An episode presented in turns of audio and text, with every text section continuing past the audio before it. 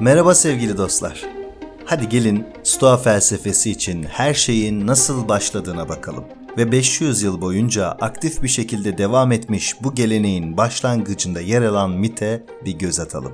İşte o zaman karşımıza Kıbrıslı bir tüccar çıkar. Zenon. Kıbrıslı ya da Kityalı Zenon. Onun yaşamı gerçekten de mitolojik bir hikaye gibi.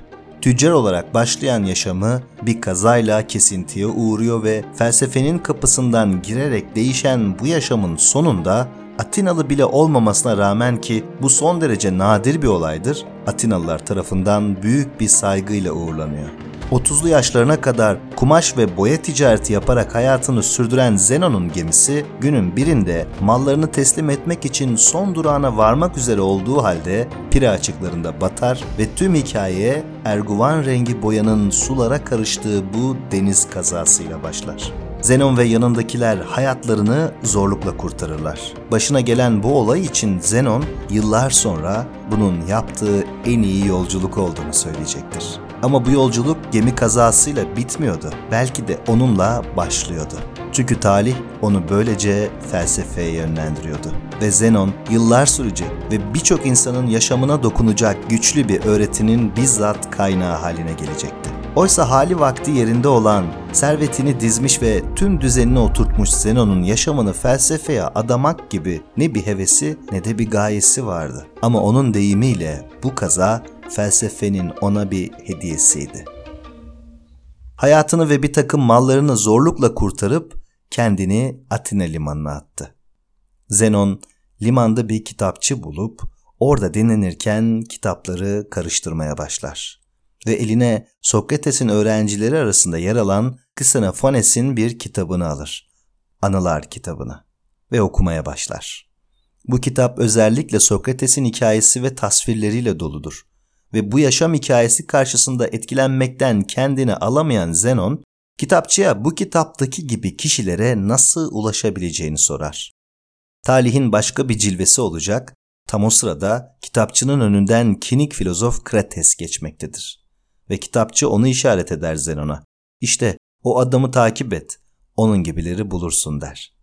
Ve Zenon'un yolu böylece Krates'le kesişmiş olur. Peki Krates kim? Krates şu meşhur fıçıda yaşayan Diyojen'in öğrencisidir. O da günün birinde Antistenes'in Filozoflar Zinciri adlı tragedyasını izleyip bundan çok etkilenerek felsefi yola bağlanmış. Ve sonra seçkin bir aileye mensup olmasına rağmen neyi var neyi yok Atina sokaklarında dağıtmış ve kiniklerin yalın yaşamlarını benimsemişti. İşte tüm hikaye böyle başlar. Önce Krates'in ve sonra başka bazı filozofların 20 yıl kadar öğrenciliğini yaptıktan sonra Stoa Poikile de az sayıda gençle kendi derslerine başlar. Bir gemi kazası bir tüccarın yaşamından yüzlerce yıl boyunca ve bugün hala insanların yaşamını değiştirmekte olan değerli bir öğretinin ortaya çıkmasını sağlar.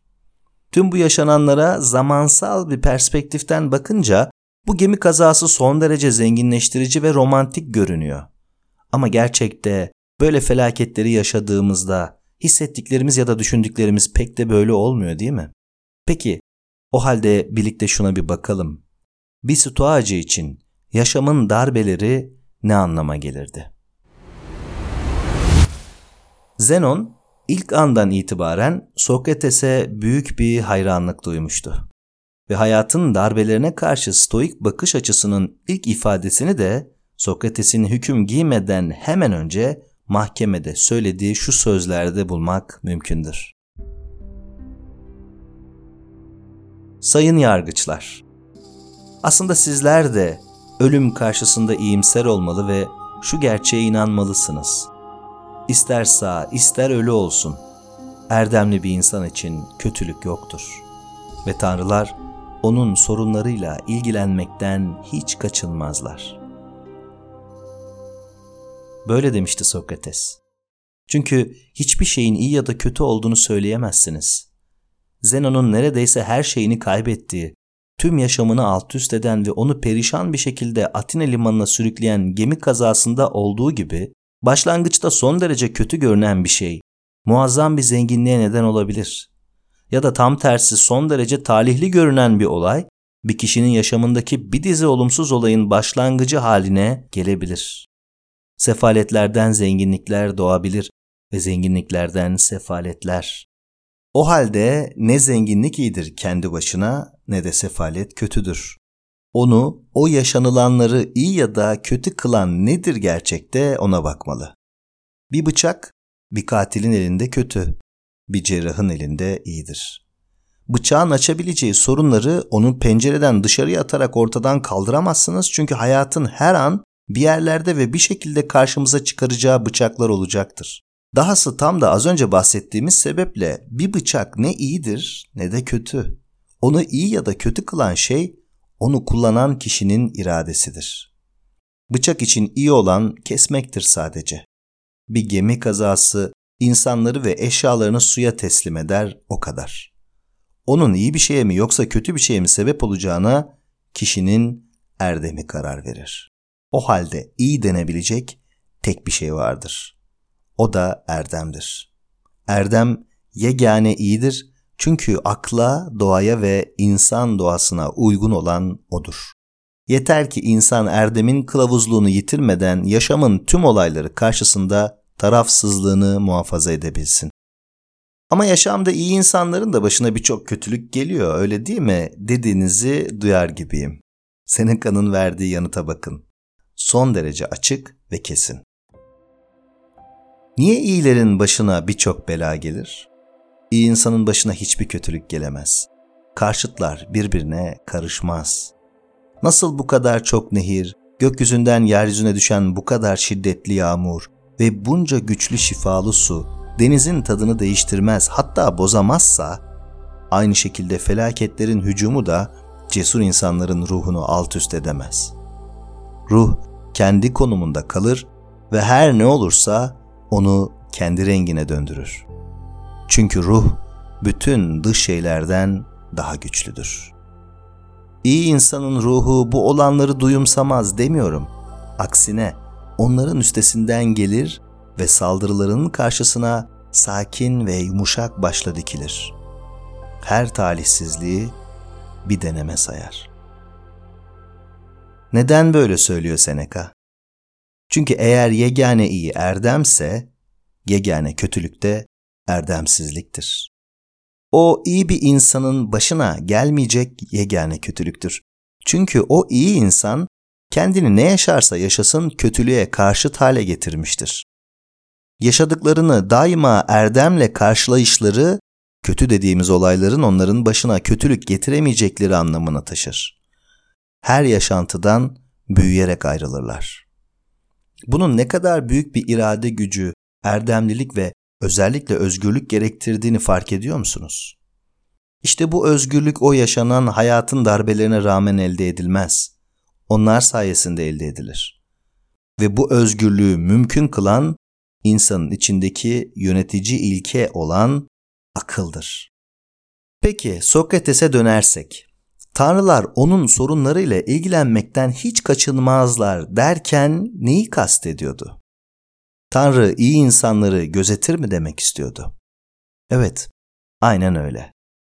Peki nasıl? Onların sırtındaki yükleri hafifleterek mi? Elbette hayır. Ve hatta biliyor musunuz belki tam tersi.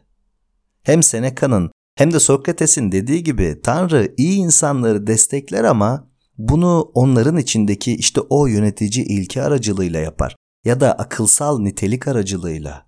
Onları yaşamın felaketlerinden koruyarak değil.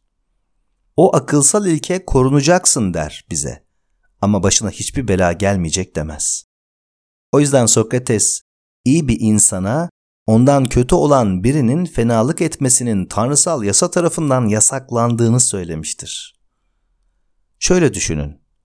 Sokrates'in ölümle cezalandırılmasını sağlamış olsalar da sürülmesini, hapsedilmesini, aç bırakılmasını, zincirlenmiş olmasını sağlamış olsalar da bütün bunların faili olan ne Anitos, ne Meletos ne de Likon ona gerçekten zarar verebildiler.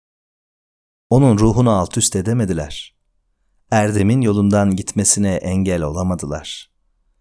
Yaşamın tüm olayları karşısında tarafsızlığını ve dolayısıyla özgürlüğünü yitirmesini sağlayamadılar. Sokrates'i de Sokrates yapan bu değil miydi? Yani ne kadar kötü görünürlerse de yaşadıkları değil mi Sokrates'i Sokrates yapan? Tabii ki kişisel erdemi sayesinde. Çünkü erdem başlı başına iyidir ve hiçbir ödüle gereksinimi yoktur. Kendinden başka hiçbir şeye ihtiyacı olmadığı içindir ki başarısızlığa uğraması olanaksızdır. O başına ne iş açarsanız açın engellenemezdir. Onunla zaferi arasına giremezsiniz. Erdemin ödülü de, delili de erdemli bir yaşamdır der Seneca. Ve benzer bir şekilde erdemsizliğin cezası da kendindedir. O erdemsiz yaşamdadır. Suç işlemenin cezası suç işlemiş olmaktır. Yegane iyiden mahrum kalmaktır. O halde erdemden başka ödül de yoktur ve erdemsizlikten başka ceza da gerçek anlamda. Unutmayın, yaşam bizden birçok şeyi alabilir. Birçok şey mi dedim? Her şeyi mi demeliydim? Neyse.